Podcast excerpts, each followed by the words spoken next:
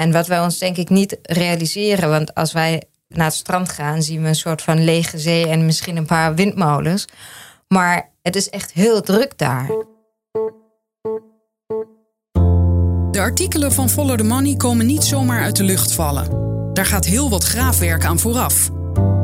In deze podcast vertellen auteurs van FTM over hun onderzoek en de achtergronden van hun verhaal. Frederik vraagt door.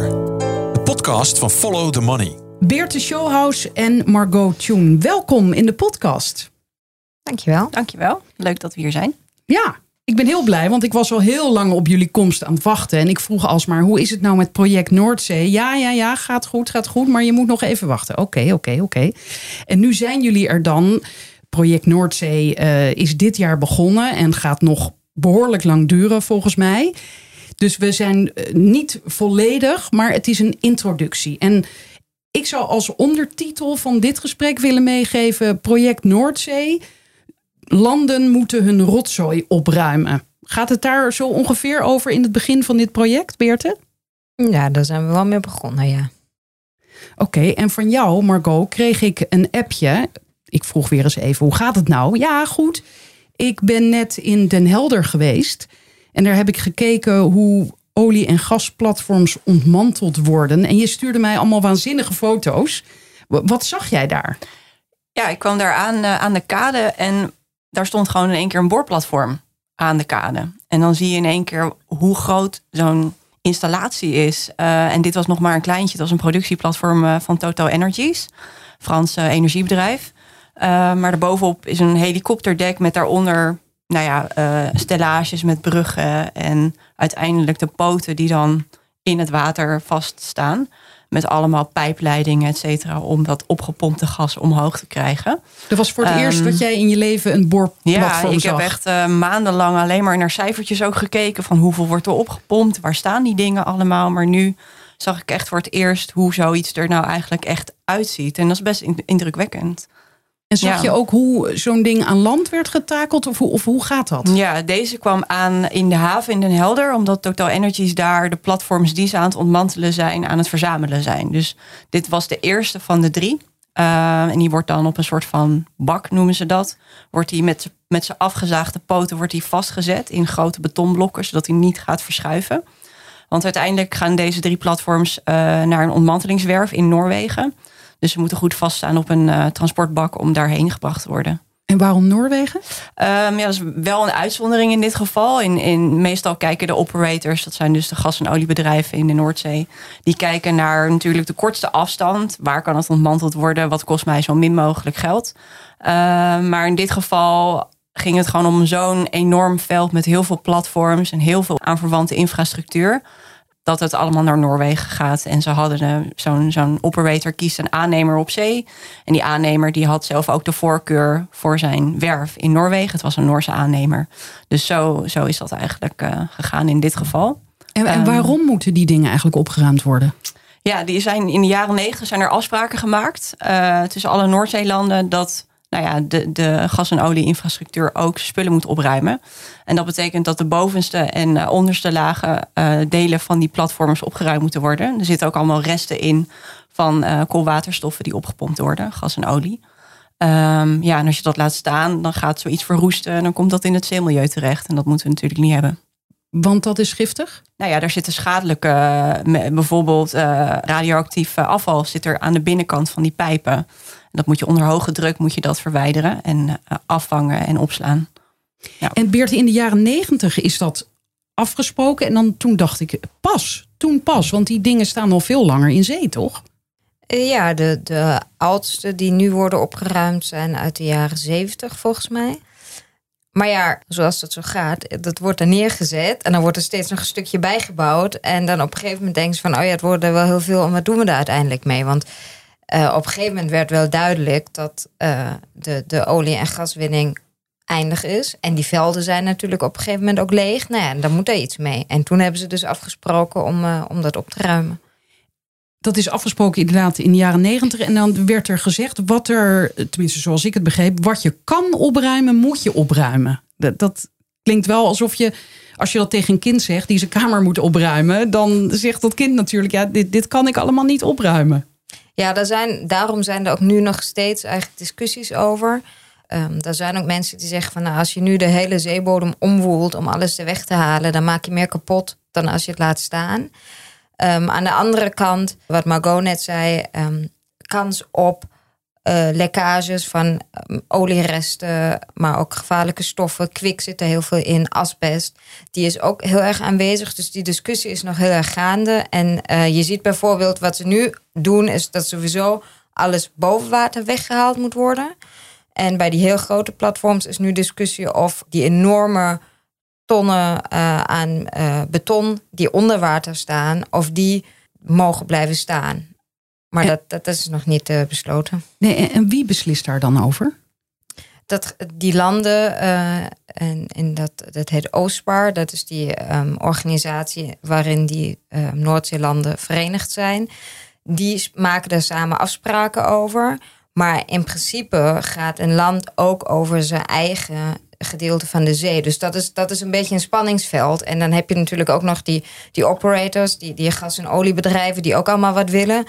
In Noorwegen bijvoorbeeld is dat oliebedrijf helemaal van de staat. Dus dan is het ook wel weer de staat die daarover gaat. In Nederland is het een soort van mengvorm. Dus er zijn allerlei belangen die daar ja, waar onderhandeld wordt. En dit is, zo vertelt Follow the Money mij op de website, nog nooit eerder allemaal in kaart gebracht. Um, nee, dat, dat is wat dit hele project bijzonder maakt. Is um, dat landen, als ze het al goed weten, voor hun eigen gebiedje. Dat is ook niet altijd het geval. Maar dan houdt het eigenlijk echt bijna op bij de landsgrenzen op zee. Terwijl wij kijken, wij nemen de hele Noordzee als uitgangspunt. Want daar is natuurlijk niet. Daar is, die grenzen zijn er in principe niet. Vissen zwemmen door, boten varen door. Dus. Uh, en dat is, dat merken we ook altijd als we dan overheden vragen en aan um, andere instanties. Ja, die weten heel weinig over wat er aan de andere kant van de grens gebeurt. Want is dat dan ooit zo juridisch bepaald? Want de zeeën zijn toch wel enigszins ingedeeld bij landen, of niet? Ja, nee, je hebt bepaalde zones. Een, een deel um, is, is van het land zelf. Dan komt er een soort van handelszone die eigenlijk ook nog bij een land hoort. En dan komt er een gedeelte daar gelden veel minder regels.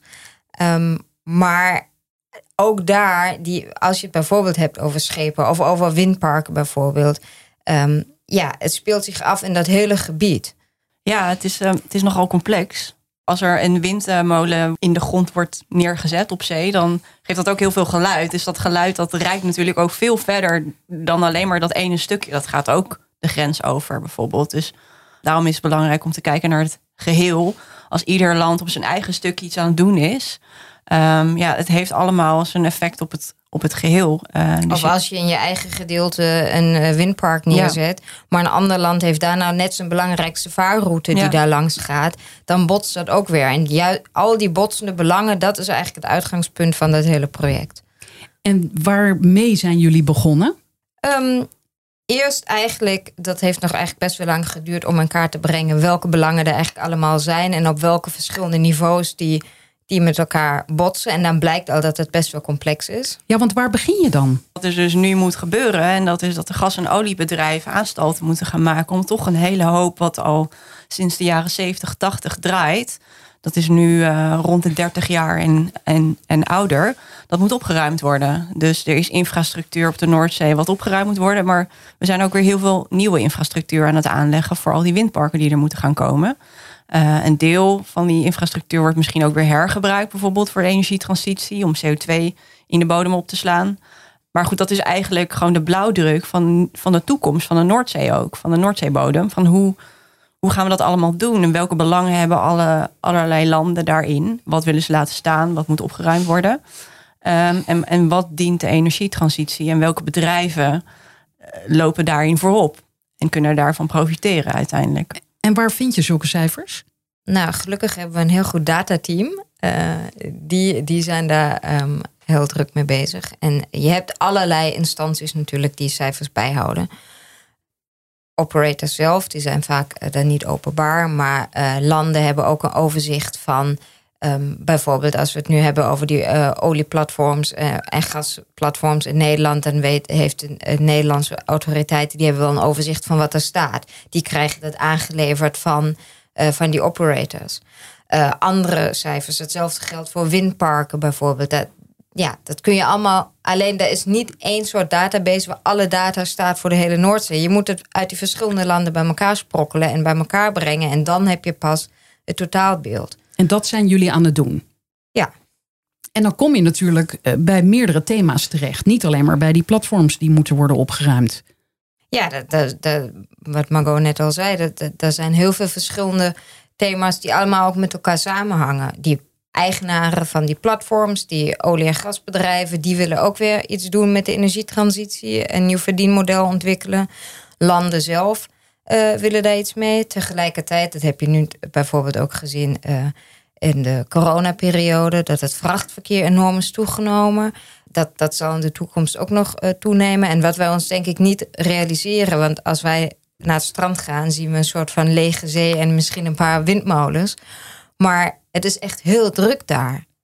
Ja, met, wat, wat zit daar allemaal nou, dan? Allemaal bouwsels en dingen en ja, zelfs telefoonkabels. Dus er lopen superveel kabels, uh, pijpleidingen. Dan staan daar die platforms. Dan zijn er dus ook nog onder de grond die gasvelden, vol of leeg, waar ze dan misschien niet willen met, met CO2-opslag.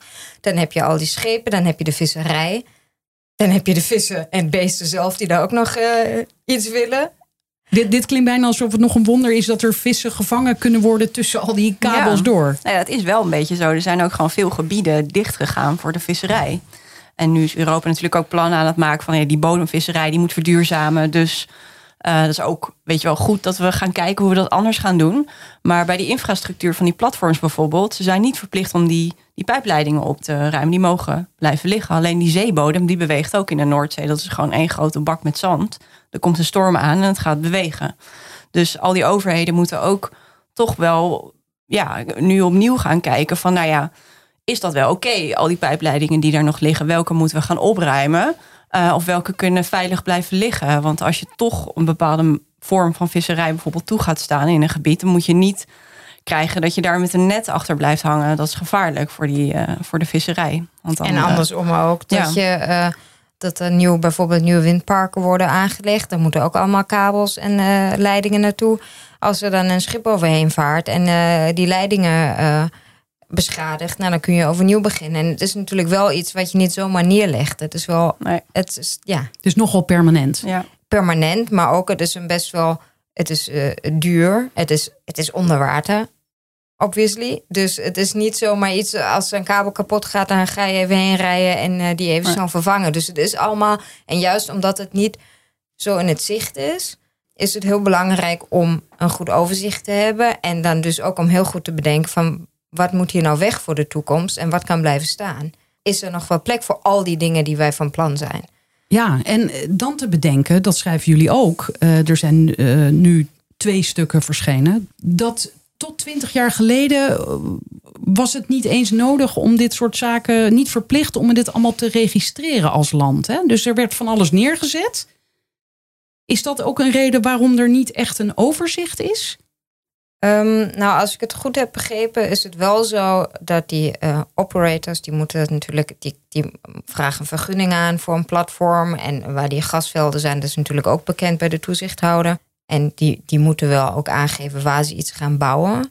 Maar er is niet zoiets als een uh, publieke publicatieplicht. Dus overheden krijgen al die dingen, hebben die vergunningen los. Maar dat is niet voor, voor het publiek of voor andere uh, bedrijven een overzicht om dat in te zien. Dus de overheden kunnen wel nazoeken van, oh ja, dat en dat bedrijf heeft ooit voor die plek een vergunning aangevraagd, dus daar staat dan een boortoren. Ja, ik denk nu ook met de hele exploitatie van de Noordzee, is dat, dat, dat landen ook steeds meer doordrongen raken van hé, hey, wij moeten van elkaar weten waar wat ligt. Dus je ziet ook wel, kijk, Nederland is, is eigenlijk best wel een beetje het beste jongetje van de klas. Oh ja? Um, nou, er is een Noordzee-overleg, weet je wel, met iedereen die iets met die Noord, in die Noordzee doet of beweegt of iets heeft staan. Uh, er zijn allemaal overleggen over hoe we zo efficiënt en goed mogelijk gebruik maken van die ruimte. Maar landen als Engeland bijvoorbeeld, die gaan daar anders mee om. En zelfs in Nederland heb je bijvoorbeeld, als je het nu hebt over de energietransitie, je hebt twee verschillende ministeries die daarover gaan. Uh, het ministerie van Economische Zaken gaat over gaswinning en, en olie infrastructuur gaat uiteindelijk over het plaatsen van die, van die windparken. Die hebben verschillende wet en regelgeving. Dus dat moet allemaal nog. Wij hebben toen met iemand gesproken die daar werkte en die zei van. We moeten eigenlijk regels maken voor iets waarvan we nog niet weten hoe het eruit gaat zien. Dus het is heel. Het moet wel gebeuren. Want, want je moet natuurlijk wel weten van wat gaan we de komende jaren doen. Maar het is wel ook een beetje een soort van luchtfietserij, want je weet het eigenlijk niet zo goed. En terwijl er bijvoorbeeld in België, want ik luisterde een van eh, de oude podcasts over de beveiliging van de Noordzee met Ties Gijzel. En die vertelde, ja, in België hebben ze een minister voor de Noordzee. Dus daar zit in ieder geval alles in één ministerie. Dus zijn wij dan wel het beste jongetje van de klas?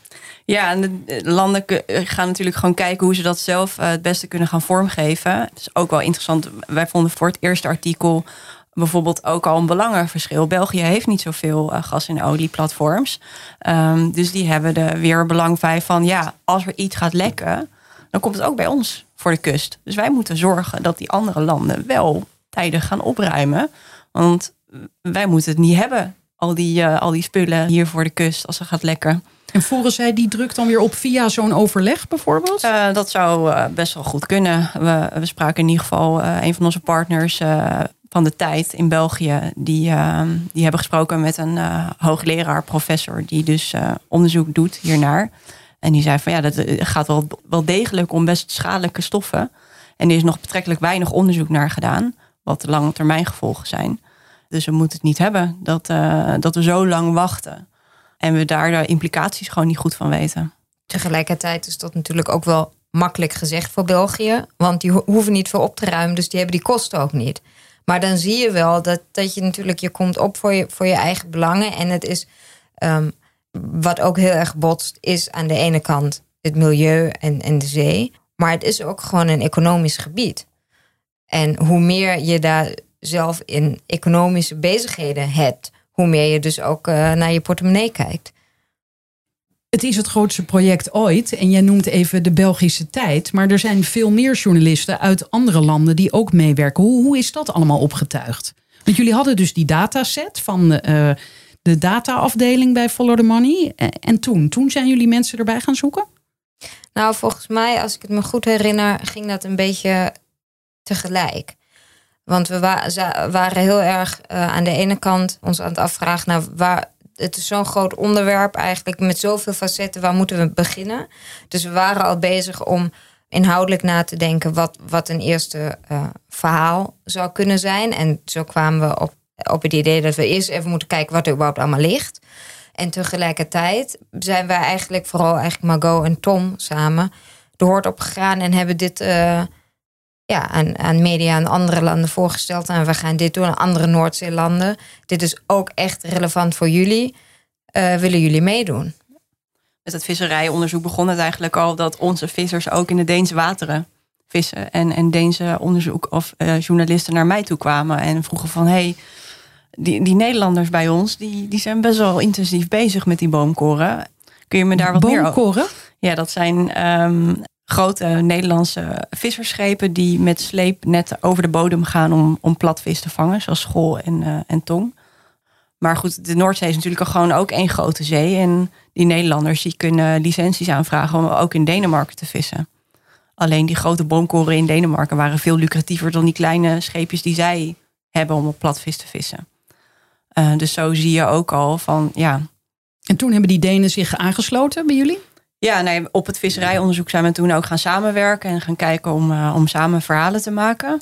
En um, nu voor, voor de infrastructuurverhalen zijn we met name opgetrokken met de NRK. Dat is de Deense of de Noorse omroep is dat. En ook die smog in de UK. Um, ja, en de tijd de, dus. de smog of die smog. Die smog, Die ja. smog. Wat is dat voor een collectief? Dat is een uh, journalistieke uh, een platform.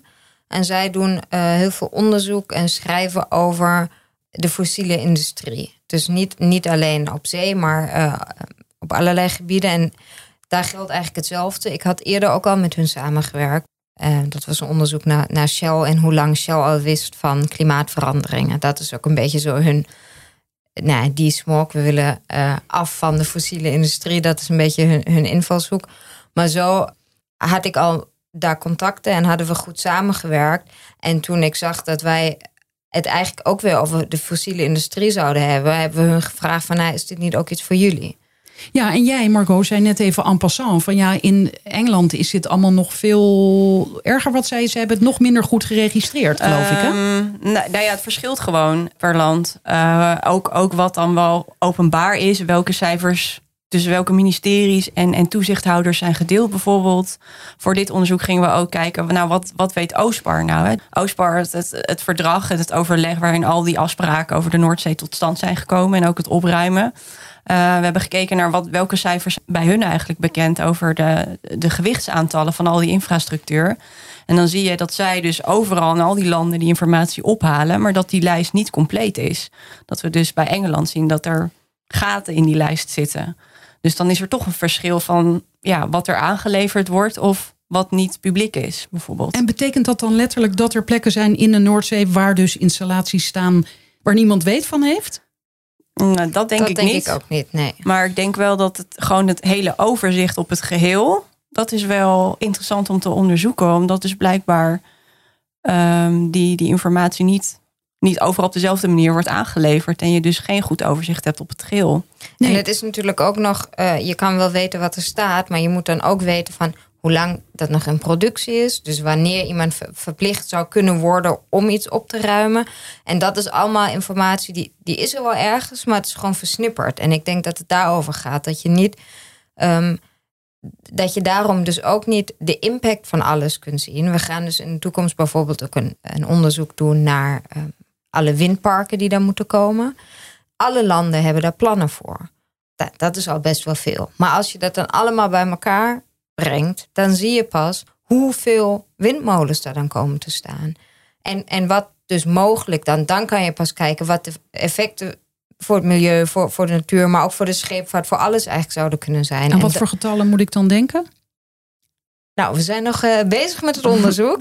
Dat, um, maar het is echt heel veel. Het is echt een enorm oppervlak. Maar ik, kan, ik weet het niet uit mijn hoofd. Het is, ja. Tienduizenden of honderdduizenden? Ergens ertussenin. Oké. Okay. Om een voorbeeld te geven, bijvoorbeeld Borselen bij uh, Vlissingen. Dat is uh, nu het grootste windpark bij, uh, van Nederland. Dus in die meer zuidelijke Noordzee. Maar net over de grens hebben die Belgen ook een deel van dat hele windpark gebouwd. Dus we zeggen wel van het is ons grootste windpark. Maar dat is eigenlijk nog veel groter, omdat die Belgen ook een deel erbij hebben gebouwd. Want je gaat natuurlijk ook gewoon kijken naar hubs van waar, waar al infrastructuur ligt. Daar kan je aan aanklampen, omdat daar al belangrijke aansluitpunten zijn. Um, ja. En, en wat het ook nog interessant maakt, is dus dan, dan heb je nou, Nederland-België, die hebben dan tenminste nog dezelfde EU-regelgeving. Maar je hebt natuurlijk ook nog Engeland, die zijn uit de EU gestapt. Ja. Je, je, hebt Noorwegen, die hebben ook een andere status. Die hebben ook hun hele energiemarkt genationaliseerd en anders uh, georganiseerd. Dus dat maakt het ook nog heel.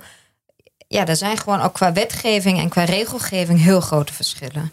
En hoe moet ik dan zo'n getal interpreteren als uh, het feit dat er 75 van dit soort platforms moeten worden verwijderd voor 2030? Dan denk ik al meteen, ja, als, als Engeland het minst goed overzicht heeft, dan gaan zij misschien ook het minste aantal installaties verwijderen. Is dat dan wel eerlijk? Ja, dat is een beetje uh, vooruitziende blik waar wij ja, geen ja, uitspraak ik, over kunnen, kunnen doen.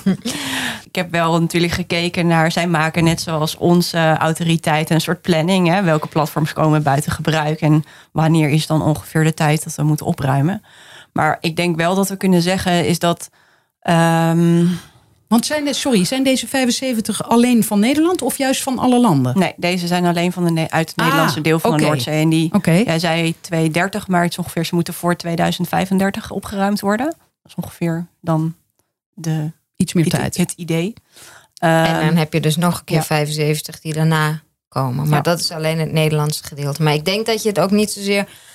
Ik denk niet dat landen daarmee bezig. Ik bedoel, ze kijken natuurlijk naar elkaar. En, ehm, maar of het eerlijk is of niet, ehm, juist wat we net al zeiden, omdat ze weinig over de grens kijken, zijn ze vooral met hun eigen dingetje bezig en hebben dan dus ook niet door dat die, die plannen, dat het misschien helemaal niet kan, omdat al die andere werven waar het naartoe moet, dat die bezet zijn bijvoorbeeld. Dat zijn gewoon heel praktische redenen. Of de schepen, daar zijn voor, voor de grote platforms zijn er maar een stuk of vier, vijf schepen die die kunnen vervoeren. Nou, die, die hebben natuurlijk werk zat. Dus als jij dan in, in 2034 denkt van uh, we willen nu dat en dat platform weghalen. Ja, misschien kan het helemaal niet, omdat die schepen met heel iets anders bezig zijn. Oké, laten we dan inderdaad naar Nederland gaan. Dat getal van 75. Uh, jij was dus in Den Helder. Daar worden die platforms uh, aan de wal ja, gehaald. Wat nog wel even goed om te zeggen is dat ze dus niet aan land komen. Maar ze worden daar op een transportbak gezet en vastgezet om naar Noorwegen te gaan in dit geval. Dus ze komen niet aan, aan land. Uh, maar Nederland heeft ook twee plekken waar ze ontmanteld kunnen worden. Dat is in de buurt van Vlissingen. en daar ben, en daar, ik ook, ben, ja. daar ben ik ook geweest. Dus ik heb ook gezien hoe zo'n ding eruit ziet als het gewoon al heel lang op zee heeft gestaan buiten gebruik. Uh, want dan doen alleen de werken alleen de lampen nog. Omdat er geen productie meer vandaan komt, dan, dan kunnen ze ja, alleen maar een soort van APK-keuring hoeven ze dan te doen, jaarlijks. Om te kijken wat er allemaal nog wel en niet werkt om uiteindelijk dat ding te vervoeren. En de lampen um, doen het nog om andere vaartuigen ja, te waarschuwen. Precies. Ja, precies. Want het staat natuurlijk op zee. Ja. Uh, dus die schepen die, uh, moeten wel zien wat er staat, zodat ze er niet tegenaan varen. En was er dan een groot verschil inderdaad uh, hoe dat platform in Vlissingen eruit zag en dat in Den Helder? Ja, ik heb wel even gekeken inderdaad van zit hier nou nog verschil tussen? En misschien ook een beetje moeilijk om te vergelijken omdat de platforms die ik bij Honderd in Zeeland heb gezien al deels werden ontmanteld. Dus dan sta je er echt met je neus bovenop. Maar je ziet in beide gevallen, dit platform wat ik in Den Helder heb gezien was ook al vijf jaar ongeveer. Heeft die buiten gebruik op de Noordzee gestaan. En je ziet gewoon echt best wel hoe snel het verval dan gaat. Uh, echt behoorlijke roestplekken, trappen die, uh, ja, die gewoon letterlijk vergaan door dat, die zoute zeelucht, weet je wel. Uh, en de mensen die het moeten afbreken, die moeten natuurlijk wel gewoon dat platform nog kunnen betreden om het af te breken. Kunnen ja. die spullen hergebruikt worden? Hebben we er nog wat aan? Of, of... Ja, hun, hun streven is wel ongeveer dat het, nou ja, er worden allemaal verschillende getallen genoemd, maar ik denk gemiddeld misschien 95% of zo. Oh. Um, ja, dat is best hoog. Um, maar dat staal, dat proberen ze om te smelten. Nou, in Noorwegen kan dat weer op een hele duurzame manier doen met elektriciteit. Um, maar anders gaat het naar China. Um, en dan komt er weer veel meer CO2-uitstoot bijvoorbeeld. Ja, want in, in, Noorwegen komt de elektriciteit uit water, uh, ja, uit stuwmeren. Precies, ja. Stuwmeren, ja, dat goed? Ze noemen dat hydraulisch uh, smelten, ja. volgens en mij. En daarom is het duurzaam, hè? Ja, precies. Dat was ook voor Totaal bijvoorbeeld een, uh, een, een overweging... om het ook wel in, in Noorwegen te laten doen, vertelden ze mij.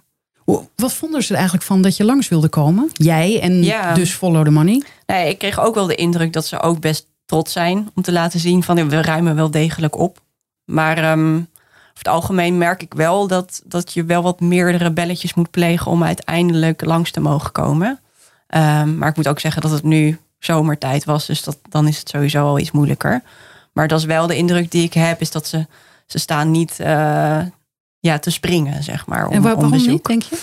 Ja, ik, ik vroeg er ook nog naar in verband met die cijfers die dan niet helemaal duidelijk zijn. En het antwoord wat ik daar dan op krijg is dat vanuit traditie of zo de gas- en oliebedrijven gewoon terughoudend zijn in het delen van informatie over hun productie en, uh, en, en installaties. Ja, dus daar moet, weet je alles van, ja. Beerte. Hè?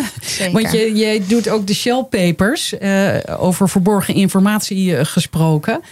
Uh, en je noemde, jullie noemden dit net ook al, de, de belangen van de fossiele industrie. Is de meeste, zijn de meeste van dit soort zaken in de Noordzee in handen van de fossiele industrie? Of deels. Het, ja, het, ik bedoel, die, ja, het zijn gas- en olieplatforms. Dus dat is uh, per definitie fossiele industrie. Uh, maar overheden hebben daar um, dus ook aandelen in. Maar ja, het zijn, het zijn de grote namen. Shell, Total Energy is natuurlijk ook een heel groot bedrijf. Equinor uit uh, Noorwegen. Zeg maar alle grote um, ja, benzinepompen, zeg maar, die je kent. Die staan ook echt wel... Uh, of in samenwerking. Het zijn vaak ook um, ja, samenwerkingsverbanden of zo. Maar um, ja, die hebben daar allemaal wel een vinger in de pap. En zijn dus ook allemaal eigenlijk schroothandelaren geworden. Want ze verkopen dat door en verdienen daar nog wat aan. Is fijn dat het hergebruikt kan worden. Maar er zijn ook, zei jij geloof ik net al, bedrijven, misschien allemaal wel, die juist zo lang mogelijk wachten met opruimen, omdat ze hopen dat die infrastructuur weer gebruikt kan worden in de toekomst. Nou ja, ten eerste is natuurlijk opruimen kost je sowieso geld. Ja. Ook al verdien je nog iets uh, aan het recyclen van het materiaal, maar die, die, die opruimactiviteiten die zijn echt heel, heel duur. Voor, voor de hele Nederlandse Noordzee, dat gaat echt in de miljarden. En inderdaad, uh, ze hebben daar natuurlijk nu die plekken, vergunning voor bepaalde plekken. En die plekken zouden in de toekomst nog wel eens cruciaal kunnen zijn om daar in de toekomst iets anders te kunnen doen. Dus uh, dat hebben we voor het, in dat eerste artikel hebben we dat ook al uitgezocht. Dat er um, bedrijven zijn eigenlijk verplicht of operators om naar uh, een bepaalde tijd, als ze klaar zijn met productie, dan moeten ze een verwijderingsplan maken en daar vergunning voor aanvragen en dat uh, bij de overheden melden. En we zien nu al dat sommigen daar uitzonderingen voor aanvragen. En een van die redenen is als ze zeggen van nou, maar misschien kunnen we dat in de toekomst voor de energietransitie uh, gebruiken. Waterstof noemde jij, Margot. Ja, dat, dat zou mogelijk door oude gaspijpleidingen uh, getransporteerd kunnen worden. Dat moet nog onderzocht worden of dat kan? Ja, ze, ze vragen dan een, een, een, een, een tijd aan om onderzoek te doen naar of dat mogelijk is ook op die plek. Je kan je voorstellen dat er gewoon heel veel soort van transportaders over die Noordzee lopen. Nou, sommige operators hebben de mazzel dat ze misschien ergens iets hebben staan wat een soort van nieuwe slagader voor waterstof gaat worden, bijvoorbeeld. Nou ja, dit lijkt me, dit klinkt me als buitenstaander ook goed in de oren. Onderzoek het eerst even. Want ja. stel je voor dat later blijkt, oh, het werkt. En ja. dan zeggen alle anderen, ja, we hebben alles al weggehaald. Ja, aan de andere kant kun je ook zeggen, daarmee hebben nieuwkomers nooit eigenlijk een kans. Hè? Dan, je hebt hiermee, de shells van deze wereld hebben daarmee alweer een voorsprong omdat ze dat hebben. En het is natuurlijk makkelijk om te zeggen, um, we gaan het onderzoeken. Um, dus hoeven we niet op te ruimen. En je krijgt al uitstel als je alleen maar het gaat onderzoeken. Dus als nog niet helemaal, nog niet eens duidelijk is of het echt en wat je precies gaat onderzoeken en hoe dan en welke proeven je gaat doen. Dus het, je, je kunt vrij snel uh, uitstel krijgen. Ja. En, en, hoe komt het dat de overheid daar zo coulant in is dan? Nou ja, voor zij hebben er ook een belang bij, uh, natuurlijk bij die energietransitie. Dus als zij geen nieuwe. In Nederland is het zo dat wij als burger uh, betalen voor die infrastructuur, het aanleggen daarvan. Dus ja, het kost ons uiteindelijk geld als wij zelf nieuwe infrastructuur moeten aanleggen. Dus de staat heeft er ook belang bij. Um, maar wat ik vooral ook, wat mij meer duidelijk werd bij dit tweede onderzoek is. Uh, op het moment dat die platforms buiten gebruik zijn gesteld, dan wordt er eigenlijk gewoon geen onderhoud meer gepleegd aan die platforms. En dan gaat het verval eigenlijk gewoon best wel snel door het weer, stormen. Nou, je kan je wel iets bij voorstellen. En als een platform niet meer onderhouden wordt, maar nog wel heel lang op zee blijft staan, terwijl die daar al sinds de jaren 70 of 80 staat, ja, uiteindelijk moet je hem aan bal ergens gaan hijsen. En hoe ouder en krakkemikkiger en verroester het wordt, hoe moeilijker dat is. Um, dus, dus je kans bijna... op risico's. Ja, sorry. Kans ja. op risico's ja. is groter. Ja. Ja, dus je zou bijna kunnen zeggen: oké, okay, degene die onderzoek willen doen, die mogen onderzoek doen, maar kom dan ook wel even met een plan. En ondertussen moet je onderhoud plegen. Dat is dan de voorwaarde. Ja, dat, nou ja, dat zou wel iets interessants zijn, denk ik, voor overheden om naar, om naar te kijken van hoe, hoeveel platforms hebben we al buiten gebruik en uh, hoe worden die onderhouden. En, en, en tegelijkertijd ook, denk ik, van. Uh, want wat Margot zegt klopt. Nederland heeft natuurlijk, of overheden in het algemeen, hebben een enorm belang bij de energietransitie. Maar dan zou je ook kunnen zeggen van Ga dan zelf ook bedenken wat je daar wilt. En ga zelf onderzoek doen. En wat voor. Dus dat je het niet aan die operators overlaat. Wat er straks gaat gebeuren. Als zij zeggen van ja, maar hier is het het meest geschikt voor. En zo is het natuurlijk in het verleden met, met de gaswinning is het uh, ook zo gegaan. Dat de overheid altijd afgaat op de gegevens en de kennis bij die bedrijven. Ja. Dat is enerzijds is dat heel begrijpelijk, want die hebben die kennis. Maar anderzijds, als je dat zelf niet in huis hebt, dan kun je het ook nooit controleren. En dan kun je ook niet weten of dat echt de beste methode is, of dat je niet beter toch iets anders had kunnen doen. Nee. In jullie uh, dossier uh, staan ook artikelen uit 2016 al. Ooit was Follow the Money hier al mee begonnen. En daar wordt ook, jullie halen dat dan ook weer aan als voorbeeld. Toen dacht ik, oh ja, de brand Spar hè, van Shell. Er was ooit een heel protest en alles. Want ze wilden dat ding niet, uh, nou ja, je zegt dan niet aan land, maar bij land halen of uit zee. Nee, ze wilden het laten zinken. Ja. Was dat vroeger gebruikelijk? Nou, ik weet niet of dat gebruikelijk was, want zoveel precedenten waren er helemaal nog niet. Want die, die oh nee, platforms niet. zijn natuurlijk helemaal nog niet buiten gebruik uh, gegaan. Dat was een ja. van de eerste grote Waar ze eigenlijk dachten, oh ja, Wat moeten Wat we moeten we ermee? daar Ja, ze zijn ja. daar tegen het probleem aangelopen dat deze zo groot was van oeh, dat is best wel complex om, eh, om dat aan te pakken en goed te verwijderen. Toen Ehm, zeiden ze, oké, we gaan hem laten afzinken. En toen kwam, eh, kwamen veel mensen in Ja. het verweer. Is het niet gebeurd? mhm. Als je daaraan denkt, eh, ik probeer nu even positief te eindigen. Hè? Eh, is er wel heel veel ten, ten positieve veranderd al. Ja, ze hebben al wel een aantal casussen voor hun kiezen gekregen die, ehm, ja, die voor nieuwe dilemma's eh, hebben gezorgd. Dus aan de ene kant hè, goed kijken wat je kunt hergebruiken. En, maar aan de andere kant, ja, zien wij nu ook, uitstel moet geen afstel worden. Ja, want dat is ook eh, de, de, de, een van de conclusies in jullie laatste nieuwe stuk in, in dit dossier. Die deadline die wordt niet gehaald van die 75 eh, platforms die moeten worden ontmanteld. die kans is klein dat ze dat halen. Ja, dat, dat denk ik ook. Jullie zeiden al, er zijn waanzinnig veel aspecten aan de Noordzee. Jullie gaan de hele Noordzee in kaart brengen. Wat, wat is het, wordt het volgende? Ehm, ja, we zijn nog aan het kijken ook naar wat zit er nou eigenlijk precies in al die platforms. ehm, en wat komt er allemaal voor een afval, zeg maar, vrij bij de productie, maar ook daarna. En we zijn ook het onderzoek naar de visserij wat, wat eh, ja, uitgebreider eh, aan het eh, onderzoeken en aan het opstarten. Ja, vis is natuurlijk ook een soort van resource in de Noordzee die over alle grenzen heen zwemt. en ieder land heeft weer een bepaalde type visserij. Ehm, en je moet als land heb je visrechten nodig om dat op te kunnen vissen. En dat wordt binnen Europa wordt dat verdeeld. Maar we hebben ook te maken met landen die niet binnen Europa vallen. Dus Noorwegen, Engeland. Maar ook de noordelijkere landen zoals de Faroe-eilanden, IJsland, Groenland. Die spelen ook allemaal een rol. Want die vis, we hebben te maken met klimaatverandering. En die vis die gaat ook steeds meer naar het noorden. Omdat het te warm wordt. Ehm, dus dat is best wel een interessant onderzoek om ook verder te bekijken van nou hoe zit het nou eigenlijk met die visrechten? En ehm, wie heeft straks die rechten in handen om dat nog op te vissen? Ja, die vareur, daar sla ik even op aan. Er komt een journalist, of die is er al, bij het team. Hè? En die woont op de Vareur-eilanden, toch? Nee, die komt er vandaan. daar, die ja. woont nu in Brazilië. eh, Maar hij komt er inderdaad vandaan. En hij heeft ook al onderzoek gedaan naar eh, visserij. En hij gaat dus eh, dit artikel maken, denk ik. Ja, wij werken nu met hem samen ook om te kijken van nou wat zijn interessante zaken om, eh, om, om te onderzoeken. En hoe gaan we dat samen opzetten. Dus dat is heel leuk. Ja, Is het extra leuk om een internationaal project te doen? Ehm, ja, ik ik vind van wel, omdat je echt veel verschillende perspectieven krijgt, die het veel spannender maken. Het gaat niet alleen maar om wat wij uit die Noordzee halen en dat het nuttig is voor ons. Maar uiteindelijk dient het ons allemaal. En moeten we gewoon kijken hoe we dat zo goed mogelijk moeten doen. Omdat we daar uiteindelijk allemaal eh, belang bij hebben. Dat is ook een van de uitkomsten geweest van Stichting de Noordzee.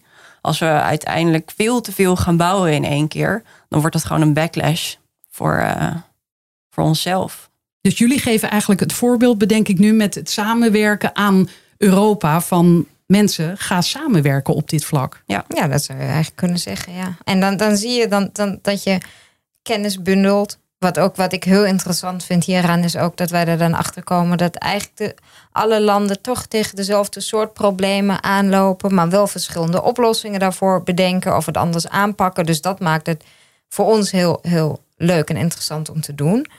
Maar het, het levert ook echt heel veel informatie op die we anders niet hadden gekregen. Dank jullie wel. Ja, ook bedankt. Jij bedankt. Al meer dan 40.000 mensen maken het werk van Follow the Money mogelijk. Ook lid worden? Ga naar ftm.nl.